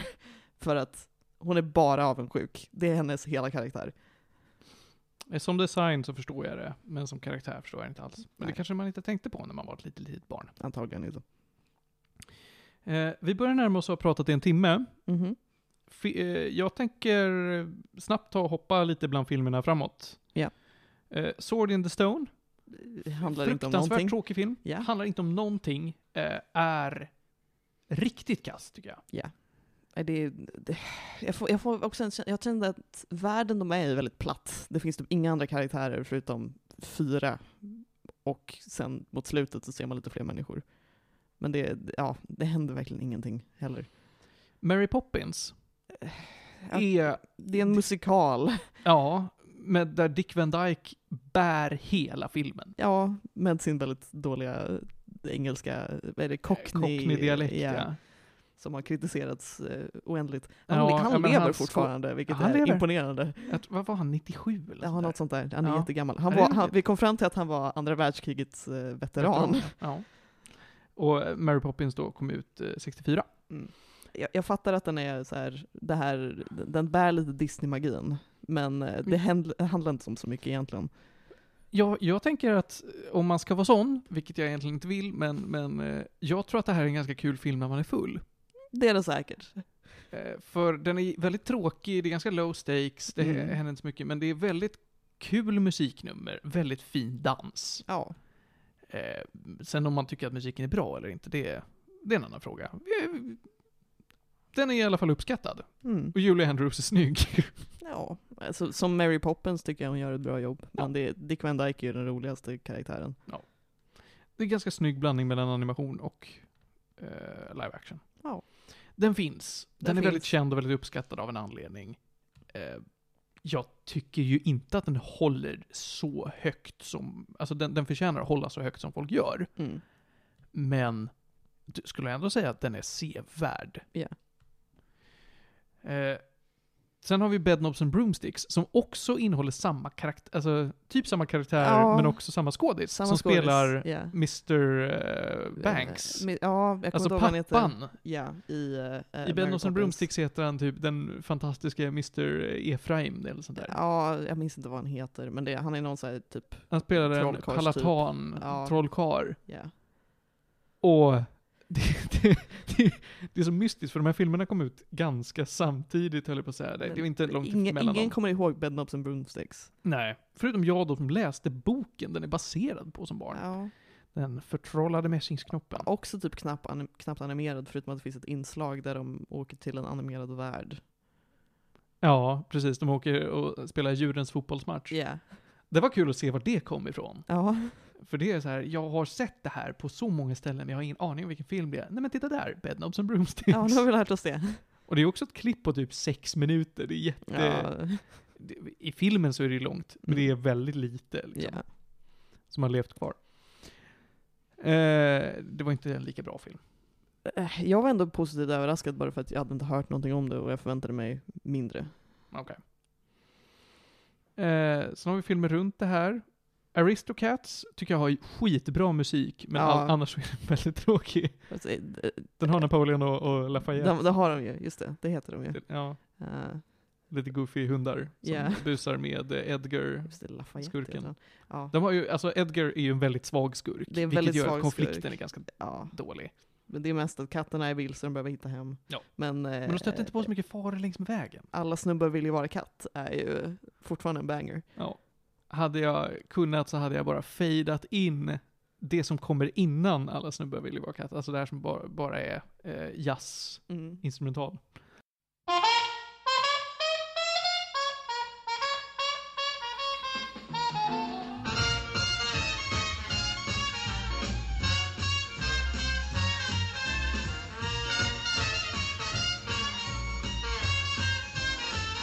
Upptäckte också att han som spelar Scat Cat var spelad av en jazzsångare som jag tror hette Scat Cat. Så det här är bara verkligen så här kändisreferens som vi totalt har missat. Det kommer vi också till. Eh, den sista filmen vi ska prata om, men det, det, vi hinner några minuter till. Eh, jag skulle vilja hoppa till The Rescuers. Ja. Som är en film som många håller upp som så här, ja men den här är så underskattad, en hidden gem. Och jag vet att jag sett den som extremt litet barn, så jag kommer inte ihåg någonting av den. Mm. Jag kommer mer ihåg av tvåan, som vi inte har kommit till ännu. Nej. Men det var också en biofilm faktiskt. Det är Ja, några det av de här det. uppföljarna som faktiskt kom på bio. Det, det var väl deras första uppföljare som faktiskt kom på bio. Rescuers Down Under. Men Bernard och Bianca som den heter på svenska, Ja, just det. känns knappt som en Disney-film. Nej, det känns verkligen inte som det. Don Bluth var med och jobbade på den här filmen. Det kanske är därför den inte känns som en Disney-film. han, Jag, var inte, han var inte. inte ansvarig. Nej, just det. Nej, han var kanske bara, en av animatörerna. Ja. Vilket märks i Mm. hans animeringsstil. Man kan verkligen Mm. märka att han har animerat vissa av de här. Människorna ser inte alls Disney-aktiga ut. Nej. Nej. Men det varierar också något Ja, enormt. jo, I är vissa filmer ser de mänskliga ut, andra absolut inte. Nej. Vissa är de eh, riktigt konstiga. Mm. Men jag tycker nog inte att den förtjänar att hållas som en hidden gem eller som att den är sjukt underskattad. Jag För det finns så stora brister. Ja, jag, i den jag historien. fattar varför vissa personer tycker verkligen om den. Men Den, den har en väldigt speciell stil. den har en väldigt speciell stil. Den är väldigt mogen. Ja. Det, det är typ det jag har att säga om det. Jag fattar att vissa personer kanske tycker att det gör den superbra jämfört med alla andra Disney-filmer. Men den är inte så speciell annars. Jag tycker nog att den är speciell, men den har jättestora problem i sitt historieberättande. Ja, jo, det är sant. Den har väldigt mycket scener som känns som att de inte leder någonstans. Mm. Mycket karaktär, alltså brister i karaktär. Ka- karaktärsutveckling är... eh. Den är hemsk. Alltså relationen mellan Bernard och Bianca är så omotiverad. Bernhard är ju någon sorts... De har något samhälle för möss där de ska rädda folk. Vilket låter jättekonstigt, men det är det Det är typ filmen Mus bygger- FN. Ja, det är Mus-FN, men deras grej är att de räddar folk. Mm. Eh, och Bernhard verkar vara någon sorts Vaktmästare. vaktmästare där, och Bianca är någon annan så medlem som är från typ Ungern tror Ja, jag jag tror att hon är ungerska eh, liksom, diplomaten Ja. eller, eller representanten i FN. Och så får de ett uppdrag och Bianca säger jag vill göra det här, men jag vill göra det med Bernhard av ingen anledning. Och sen så är de typ halvt romantiskt intresserade av varandra resten av filmen. Utan att ja, men det är verkligen, Bernhard visar inte upp några alltså, starkare känslor, men Bianca Nej. bara bekräftar honom hela tiden. Ja, Det finns också en, ett karaktärsdrag hos Bernhard, att han är jättevidskeplig. ja, det leder aldrig någonstans. Som aldrig leder någonstans. Nej. Precis som du säger, det är, det är jättemeningslöst. Mm. Och man tror att, ja men vad kul, vi ger karaktären ett djup och det kommer vara viktigt och det kommer finnas utveckling. Nej, Nej. det är väldigt mycket bollar som läggs upp som de inte använder. Nej. Vilket gör mig besviken på den filmen. Mm. Den har, alltså jag uppskattar den, jag tycker om den. Ja, det, det var det ju är knappt. underhållande att se, men det... Äh. Nej, det kunde varit så mycket bättre. Ja. Eh, Pete's Dragon. Ja, Ja. old i CGI. Ja. Jag vet inte vad jag tycker om den här alltså. Jag vet inte heller. Jag, Det är eh, Mm. Pe- Peter, Petter, Peter och draken Elliot heter den på svenska. Just det, för han heter faktiskt Elliot. Ja. Ja. Vi hinner inte gå igenom vad den här filmen handlar om. Alltså det skulle ta aslång tid. Ja. Men det är eh, en liten pojke som har en tecknad drake som kan vara osynlig då och då. Åh, vad lägligt, då slipper man animera honom. Mm. Eh, som ställer till bekymmer i en liten småstad. Han, Ja. är, han är föräldralös, han hittar en kvinna och hennes pappa som bor i en fyr och han... Spelad av, vad, vad heter han? Mickey Eh, Rooney. Mickey Rooney. Men det här var ju, han var typ 50 vid det laget. Ja. Men han är också en jätteliten man. ja Mickey Rooney är så smoll. Han är jättesmoll. Eh, ja, en liten korpulent man. I sina bästa år. ja. Eh, ja, men det, det var också en film som är så här, ja men den är, den är nästan okej. Men Ja, jag tyckte inte nej, om den alltså. nej. Intressant att se. Ingenting jag rekommenderar. Nej. Men jag har, det är också så här, i, i många ställen har jag sett draken Elliot. Mm. Antingen i House of Mouse igen med mycket i bakgrunden. Ja, okej, ja. Eh, och sen så bara som liksom tecknad figur som man klistrar på. Ja, titta här i min målarbok har vi den här draken och jag vet inte Ja. var den kommer ifrån. Nej. Men det är kul att få se. Mm. Men verkligen inte man behöver. Referenshumor, kul. Sen den film som jag nästan landat i är den jag tyckt bäst om. Alltså en av Mhm. dem som i alla fall, en av dem jag tycker bäst om av dem vi har sett hittills, Mm. är Fox and the Hound. Mm. Där har vi bråkat lite grann, för du Mm. tycker att stakesen är, alltså det är en för, för Det- liten värld. Ja, jag vet inte. Alltså, jag tyckte ändå typ såhär Lady och Lufsen var fullt rimlig i deras värld. Det- I och för sig, deras värld är lite större för de håller på att vandra runt och träffa massa karaktärer.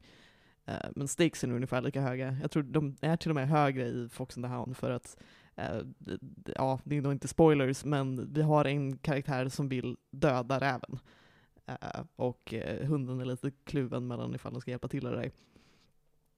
Jag vet inte, det, det, det finns verkligen bara typ fem, nej, det finns fler karaktärer, men alla är typ, det finns två människor och det, resten är djur. Och det, det, det finns ett inslag av typ fåglar som knappt gör någonting, varav en är spelad av den här, eh, eh, han som spelar alla hundar. Nej, det- nej, det är nej, nej, det Det är det är, Chief som är spelad av, av han som Men, spelar men jag har för mig att någon, fågeln är någon vi har hört förut. Ja, Men jag kommer inte ihåg vem. Mickey Rooney.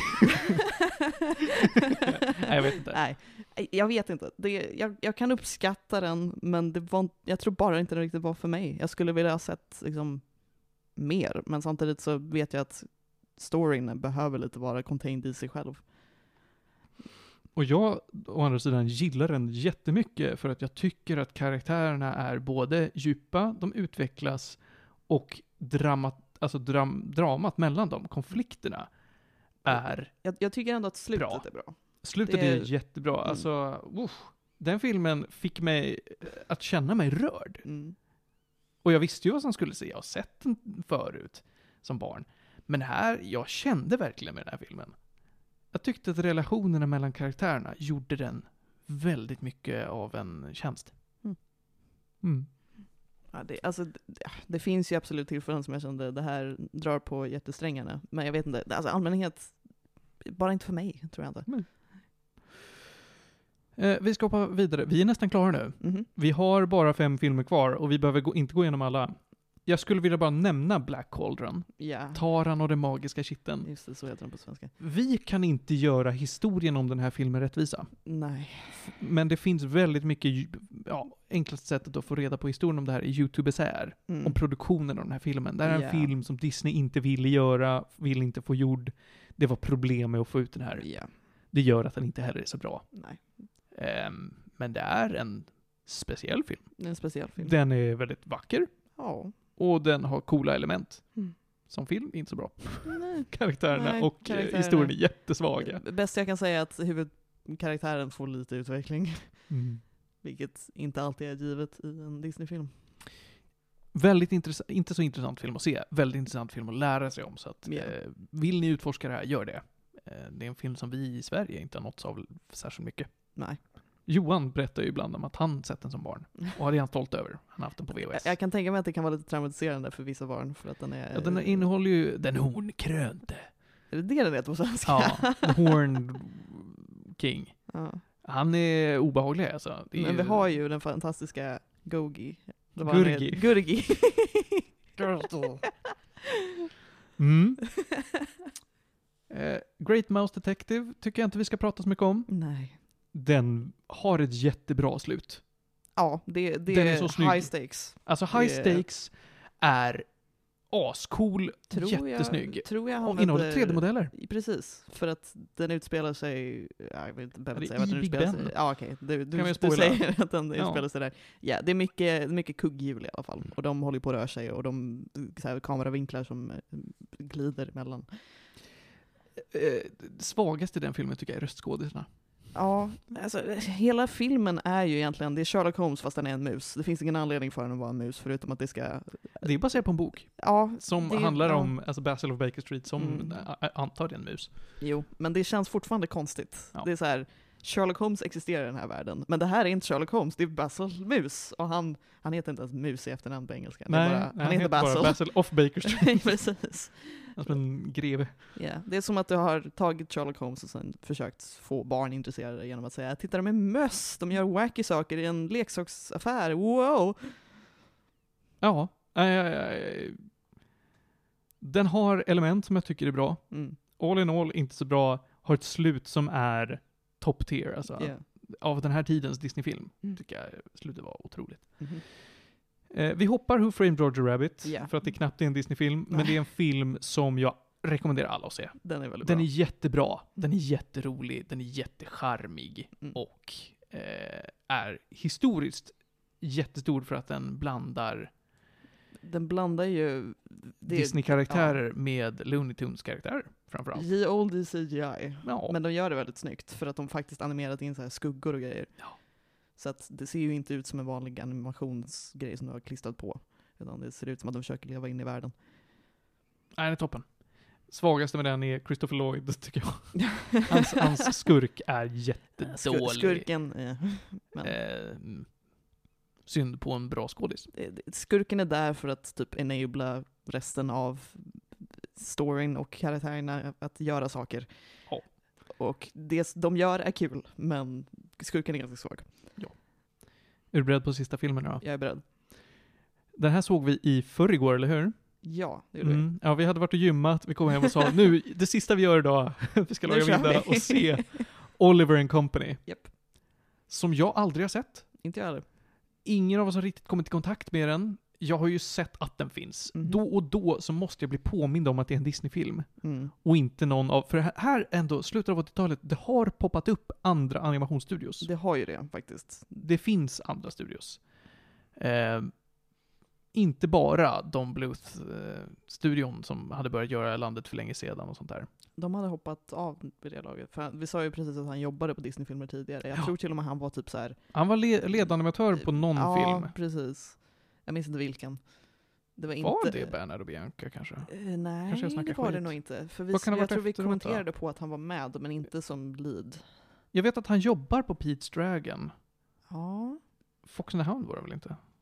Det måste typ varit det måste typ Bernard vara- och Bianca i så fall. Fa- ja, fast Om jag för mig vi kommenterade på så här, den här känns väldigt Don Bluth, men han var inte den som ledde arbetet. Nej.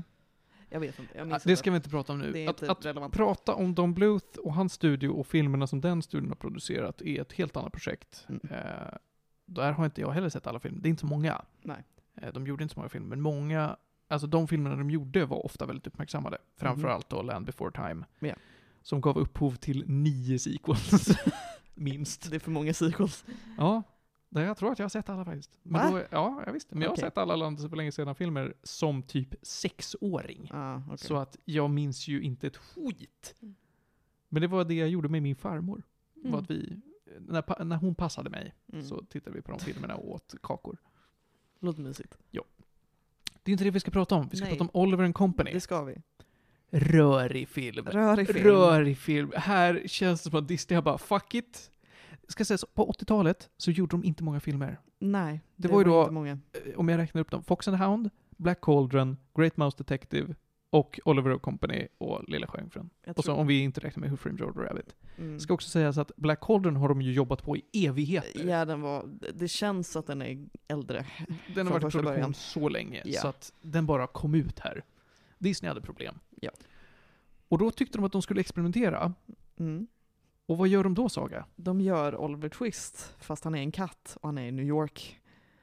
Och det finns hiphop. Det finns hiphop. De, det är en musikal, men det är också hiphop. ja, åh, det, där, alltså det, det är så cringe. Första vi får se i den här filmen är ju då både katter, Mm. men också människor. Ja. Och de människorna är så fula. ja, Sen finns det ju då tre stycken, fyra stycken fyra stycken mänskliga karaktärer som är, har namn. som har namn. ja. Och de är ju animerade helt annorlunda. Ja, jo. Nej, det första vi ser är verkligen så här människor som typ plockar upp kattungar och de är väldigt platta. Eh, en av rollerna spelas av Billy Joel. Just det, det upptäckte vi när vi tittade Dodger. på. Hunden Dodger. Det här, jag vet inte om det var den första filmen, men konceptet, Ta in kändisar. nej, jag tänkte mer Eller sångare. Eftertexter. Ja. var ju under nästan alla de här filmerna förtexter. Jag vet inte ifall det är, jag tror att så här, mycket, de hade ju fortfarande eftertexter, speciellt för sådär pratande roller, för att det skulle ta, ta alldeles för lång tid att ta in dem också, vi hade andra animatörer. Men det var mycket så här, här är den som har eh, vad heter det, regisserat, det här är de så här, främsta som har animerat. Allt det kom ju innan filmen. Mm. Men Oliver och gänget har, har delvis Ja, men För- det händer också en scen innan dess, Ja. vilket är första gången vi ser. Men också mycket som de sparar till eftertexterna. Absolut. Ja, just det. Det var väl, var det Basil Mus som hade en scen innan förtexterna? Jag tror att det var Oliver-gänget. Vi kommenterade på det vet jag i alla Var fall. det? Men det kan Var det vara den som hade den fantastiskt fula fonten? Var det Oliver och gänget? Jag tror, eller var det Basil, var det The Great Mouse Detective? För, nu när du säger det så tror jag att de hade en scen innan förtexterna också Ja. faktiskt. Så att det, det är först runt den här tiden som de börjar experimentera med det.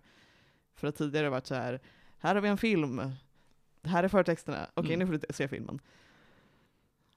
Men ja, även den här är ju, i alla fall om vi fokuserar på Oliver och Company så Mhm. funkar det så. Den har ju en, en förtext med en sång i bakgrunden om hur synd det är och hur Oliver ska kämpa, som Ja. sjungs av Huey Lewis and the News. Ja, De tog in ett eh, poprockband. det, det känns som att de försöker verkligen vara hip with the kids här. Ja, och det får vi tänka på att ja, Huey Lewis and the News och Billy Joel var hip with the kids. Ja, på den tiden. På den tiden, men de, de är med. Mm. Gör det filmen en tjänst? Ja. Jag tycker att musiken i den här filmen är riktigt dålig. Ja, det, finns, det finns inte en enda som jag tyckte, det här är en banger, det här vill jag sjunga på senare. Jag tyckte att när de återanvände, jag ska inte kalla det för ledmotivet, men, men den största musiknumret i filmen är när Dodger, som då är en, är, om ni kan Oliver Twist, så ja, glöm bort den, för det är väldigt löst i den här filmen. Men Do, Dodger är liksom en, en sorts eh, eh, mentorsfigur för Oliver. Ja. Eh, han sjunger en låt om hur det är att vara en cool katt. Cool och vara, alltså hänga med i rytmen och eh, vara lite street smart. Ja, Så att han sjunger om att ha the street savoir faire. just det. Den låten, när, Det- när Dodger den- hoppar runt i New York och sjunger den, är en skit. Men när de återanvänder den i slutet som en så här, ja, Mm. kommer ni ihåg den här låten? Ja. Nu, nu är det closing credits. Då är den lite nice. Ja.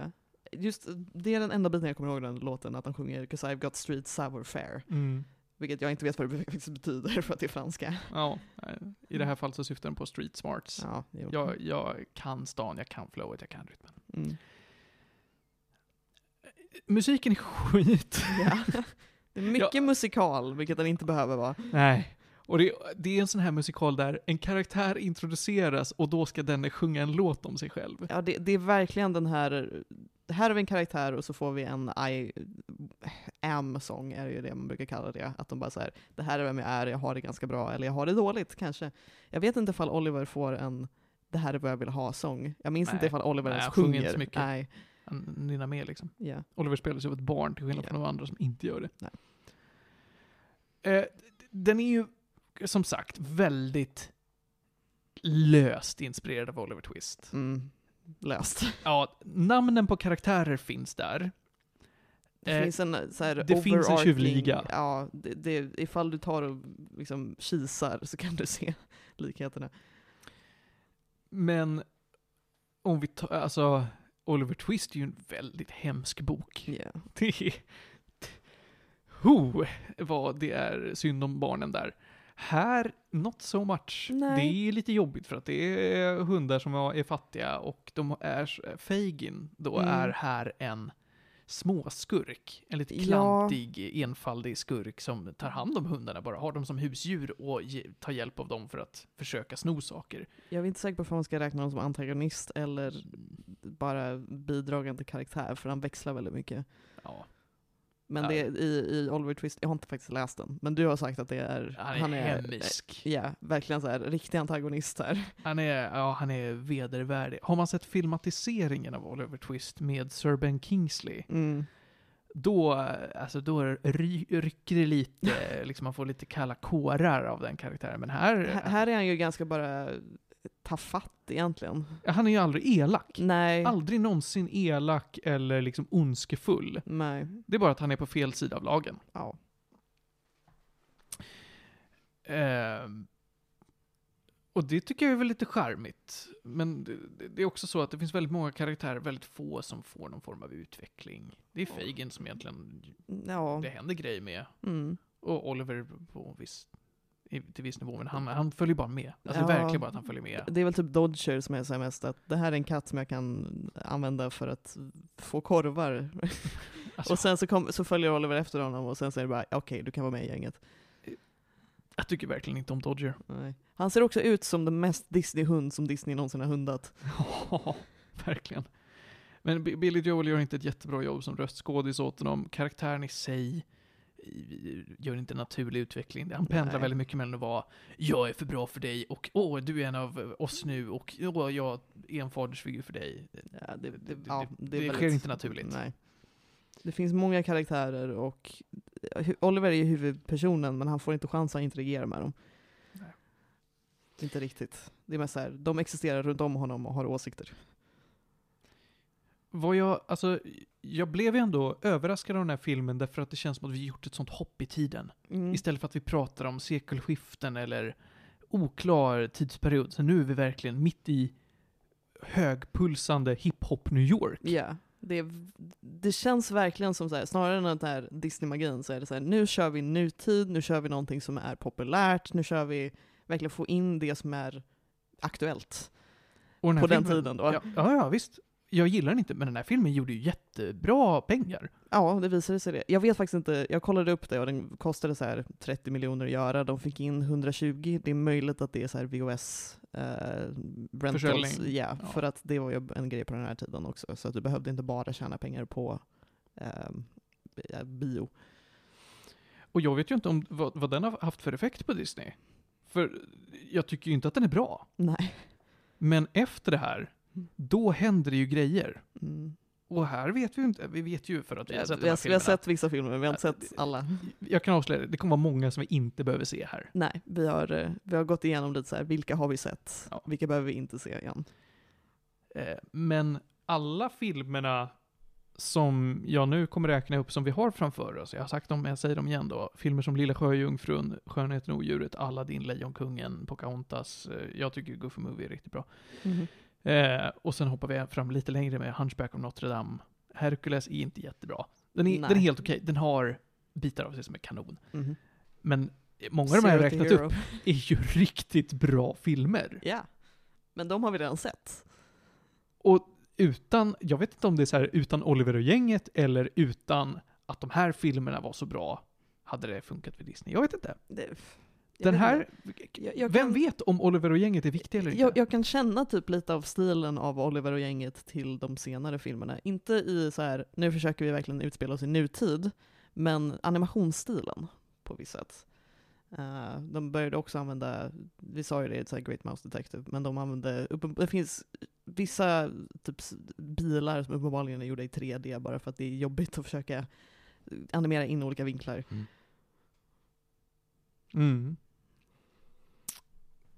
Det hade jag gärna, hade vi haft längre tid, oj jävlar vad mycket vi har dragit över Oj, hoppsan. Ja, oj. Jag tänkte att vi skulle vara klara typ 10 över, nu är hon 26. Hoppsan. Alltså vi är vi är uppe i 1.26. Ja.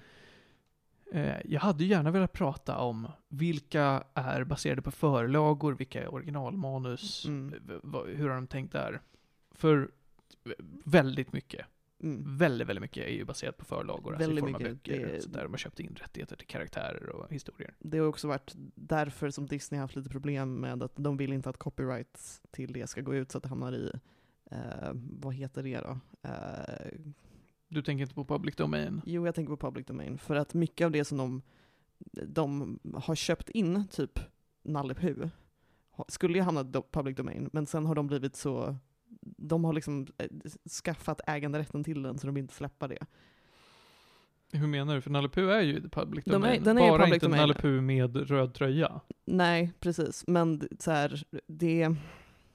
Mycket av det som de först tog inspiration från kom från vad som skulle bli public domain och sen har de lobbat för att public dom- domain, eller ä- att du ska kunna förhålla, behålla copyright ska bli längre. Bara att de ska kunna behålla sin rättighet över saker och liksom kontrollera, även ifall det är någonting som så här, ja ifall jag gör eh, ja, Alice i Underlandet så behöver det inte vara Disneys Alice i Underlandet. Men bara för att de ska kunna kontrollera så att de är de enda som har Alice i Underlandet längre. Mm. Mm.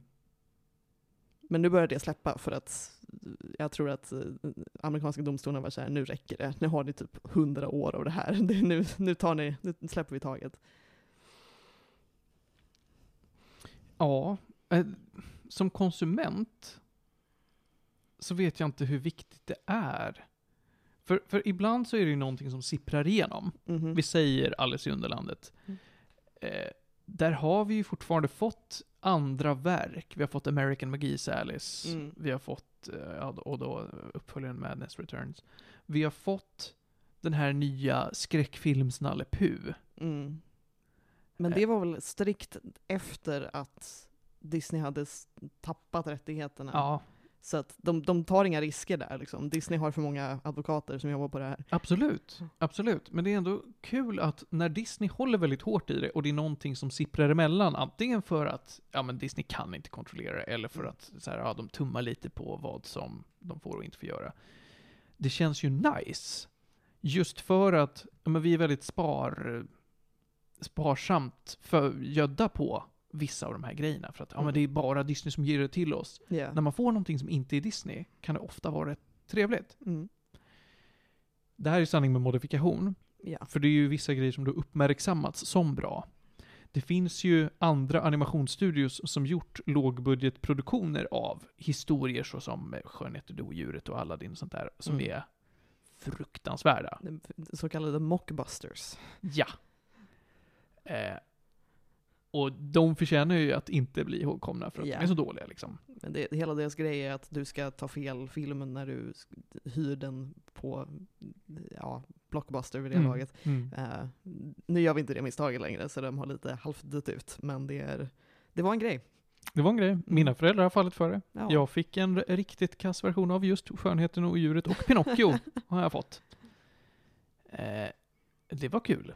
Eh, har en fantastisk version av Pinocchio där eh, istället för Benjamins syrsa är det en eldfluga. Varför inte? Och Pinocchio går på ett helt annat äventyr. Ja. Spännande. Eh, hörru du, Mm. älskling, nu tror jag att det där vi får sätta punkt. Jag tror det. Jag tror vi har pratat om majoriteten som är viktigt egentligen. Vad kul det har varit. Ja. Att prata om eller att titta på? Nej, både, både och. Både och. Det är jättekul att göra det här med dig framför allt, för att vi båda kan liksom bolla mycket av våra tankar kring det här. Mm. Och det är kul att prata om för att vi har mycket att säga. Mm. Det är kul att få dela med sig av kunskapen och erfarenheterna. Men också väldigt kul att bara få bolla med vad tycker vi om det här från olika perspektiv. Ja, Du som, eh, vi värdesätter ju olika saker i historieberättande, uppenbarligen. eller inte historieberättande, i upptäckt det. film bara. Ja, jo. I film. Det, att, att det är mycket vi håller med varandra om, men inte allt. Nej. Och då är det intressant att se vart det skiljer sig. Och varför vi gör den här podden är ju såklart för att det är kul att inspirera andra att inte göra samma sak, för det tycker jag verkligen Det- att ni ska göra. Det är, inte nödvändigt, men, Men, men att i alla fall botanisera och se, är ni intresserade av att se några av de här gamla grejerna? mm. Framförallt för att det är så lätt att komma åt. nu för tiden, Nästan ja. allt det här ligger ju på Disney+. Plus. Förutom det som Disney ville begrava då. Ja, men eh, börja i alla fall i den änden som är lättillgänglig och Mm. fundera på, ja men är det här kanske någonting som ni vill se för att det är intressant eller det är kul? Det, det är ju intressant att se hur, speciellt, det, det behöver man nästan se liksom, majoriteten av deras verk för att verkligen upptäcka, men hur berättarkonsten har utvecklats över tid. Mm. För att här, först och främst var animation mycket dyrare förr i tiden. Ehm, men också vad som gjorde en film, liksom, filmkonsten har förändrats. Så att vi kanske inte skulle tycka att Snövit är en bra film med dagens mått mätt, men det var det på den tiden. Nu tycker jag att Snövit är helt okej, men det är, så här, det är många saker som man bara så här, det här skulle du inte göra idag, för att det här är väldigt mycket, ingenting händer. Men det var acceptabelt på den tiden. Det fanns ingenting att jämföra med. Nej. Nej. Det, det här, de, satte, de satte trenden. Mm. Och sen så har de, den förändrats över tid. Ja, nu är vi ju inte svältfödda på någonting. Alltså Nej. i dagens konsumtionssamhälle så finns allt av allt. Mm. Eh, Så att anledningen till varför man skulle se, det, det är anledningen till varför många, när jag streamade så var det väldigt många som klagade på varför spelar du gamla spel? Mm. De är inte lika bra som nya spel. För att nu är de mer avancerade. Ja. Och ja, men det finns ett annat värde i att spela gamla saker. Vissa grejer har ju åldrats bra och andra är, ger ett annat värde liksom. Vissa är fantastiska i berättartekniken men väldigt dåliga i faktiska spelmekaniken. Så är det. För att det, det har bara blivit bättre Ja. på det. Men vissa grejer känns skönt för att vi inte längre har live service och tons of microtransactions och Ja, DLC och eh, allting ska vara si och allting ska vara så. Mm. Utan det var Vill, inte, enklare förr. vill du inte köpa Skyrim till din kyl? Nej. Nej. Vad som ska sägas är att, det tror jag vi båda är överens om, nästan alla de här filmerna är sämre än vad vi minns dem som. Ja. Men det är ofta för att... Äh, Törnrosa tycker jag är dålig för att den är inte det vi är vana vid. Egentligen. Jag kan accept eh, fullt acceptera att på den tiden när den kom ut så var det rimligare. För att media förändras över tid. Och hur, hur vi väljer att göra media är liksom... Det beror ju på person till person, men det är också trender. Så att vi skulle inte göra den på samma sätt idag. Det här var också en film med riktigt konstig art style. Ja, Bakgrunderna är så fula. Jag vet inte för jag tänkte på det jättemycket. Jag vet inte, Ja, jag kommer inte slottet och ihåg. allt det där. Kommer- kommer du ihåg det? mm, Slottet och alla människorna i slottet Just det, hemskt ja. fula. Men när, när man är på, med feerna i deras lilla stuga, då, då är det Mm. fint igen. Ja. Nej, nej, men det var det. Mm. Eh, var beredda på att filmerna kanske inte är lika högkvalitativa och underhållande, men det finns ett annat värde att få ur det här. Och vissa filmer är ju faktiskt riktigt bra. ja. Ja. Vi har blivit positivt överraskade flera gånger. Det har vi. Och det är en sån liten investering för att filmerna är så korta. Ja, det, det är väldigt enkelt att bränna igenom på en kväll. Det, det skulle kunna ta flera till och med ifall du har Men det har vi gjort någon gång. Jag tror det. Det har hänt att vi har sett två filmer på samma kväll bara för att Mm. ah, den var så kort. Ja. Vi, vi tar en till. det. Det är så låg investering Ja. för att de är så korta. Nu börjar vi närma oss när de faktiskt börjar bli längre för att animationen har blivit... Inte mycket, Vi, men vi det, läste det, på, den blir inte mycket längre. Det är Nej. kanske tio minuter här var. Jo, men animationen har ju blivit, blev ju lite billigare så att de har möjlighet att göra längre filmer. Mm. Och sen nu för tiden tror jag att de är, de är inte två timmar alltid, men det, det Nej. brukar närma sig vad vi kallar långfilm i så live action i alla fall. Det ska bli kul att se. Mm. Uh, hörni, håll utkik i den vanliga podden. Då kommer vi berätta när det börjar bli dags för, för den här tierlistan. Men det kommer ju ta ett tag. Det, vi, För vi, har sett är- 34 filmer nu. Ja. Det, vi kommer inte se 34 filmer till tror jag. För det är väldigt Nej, många som vi redan har sett och men kan. kan. vi- Men, men vi har ju också de här direkt till VHS och DVD. Precis, jag tror vi kom fram till att det fanns 63 filmer som var animerade släppt till bio och sen så fanns det, vet inte hur många som var bara direkt till VHS, som vi också tänker se. Vi får se. Ja. Eh, tills nästa gång hörni. Följ oss på Instagram och på Facebook. Där heter vi Medis Radio. Följ vår YouTube-kanal. Ni kan passa på bara att följa den redan nu. För det- skadar er inte alls. Vi lägger ju inte upp någonting. Så det, det, När ni väl lägger upp någonting, då märker ni Ja, men jag hatar ju det här när man bara fyller sitt flöde med mer skit. Mm. Jag förstår inte hur Panos, eh, jag ser att han, han eh, har ju sagt att han följer över liksom tusen konton på TikTok. Jag förstår inte. Sjukt i hela huvudet. Men, men i och med då att det, det, det ger oss förvisso ingenting, men det ger er när vi väl lägger upp det här klippet på vår YouTube-kanal, ja men då kommer ni få det ändå, grattis. Eh, så gör det, där heter vi, heter vi Medis Radio eller heter vi Medis Radio TV? Fan, Ja, det jag, inte. jag tror att det är Medis Radio TV. Google, Google. Ja, det hinner du göra. Så länge, så mejla oss också. Eh, både det här med om ni kan lista ut hur Scouted Swedish Disposition går och mejla den texten till medisradio.gmail.com. Mejla också vad ni tycker om det här formatet, att vi har ett samtal på Medis. Eh, nästa vecka då kommer ett, eh, ett eh, avsnitt där jag och CA ska prata om Rolling Stones topp eh, 50 låtar någonsin. Mm. Som den listan gjorde de någon gång på 90-talet tror jag. Vi, vi får se. Ja, det är Vi ska Medis- prata musik. Det är Medis Radio TV. Det finns av båda, men Medis Radio är bara avsnitten. Just det. Den borde vi stänga ner. Mm. Eh, hörni, ta hand om er där ute. Tack så jättemycket för att ni har lyssnat. Vi hörs igen nästa vecka. Puss och kram och nyp i stjärten.